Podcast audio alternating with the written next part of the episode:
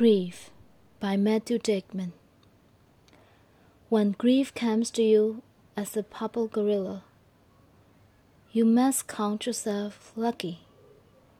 You must offer her what's left of your dinner, the book you were trying to finish, you must put aside, and make her a place to sit at the foot of your bed, her eyes moving from the clock to the television and back again. I am not afraid. She has been here before, and now I can recognize the gait as she approaches the house. Some nights, when I know she is coming, I unlock the door, lie down on my back, and count her steps from the street to the porch.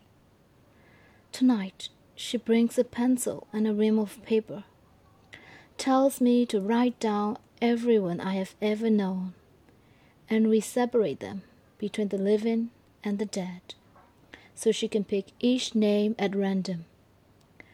I play her favorite Willie Nelson album because she misses Texas, but I don't ask why. She hums a little, the way my brother does when he gardens.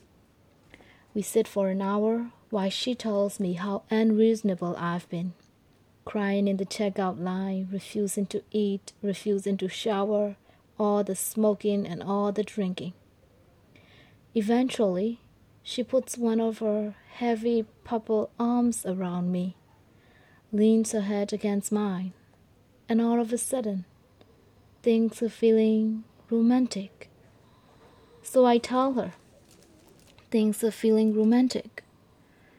She pulls another name this time from the dead, and turns to me in that way that parents do, so you feel embarrassed or ashamed of something. Romantic, she says, reading the name out loud, slowly, so I am aware of each syllable, each vowel, rubbing around the bones like new muscle, the sound of that person's body, and how reckless it is, how careless that his name is in one pile and not the other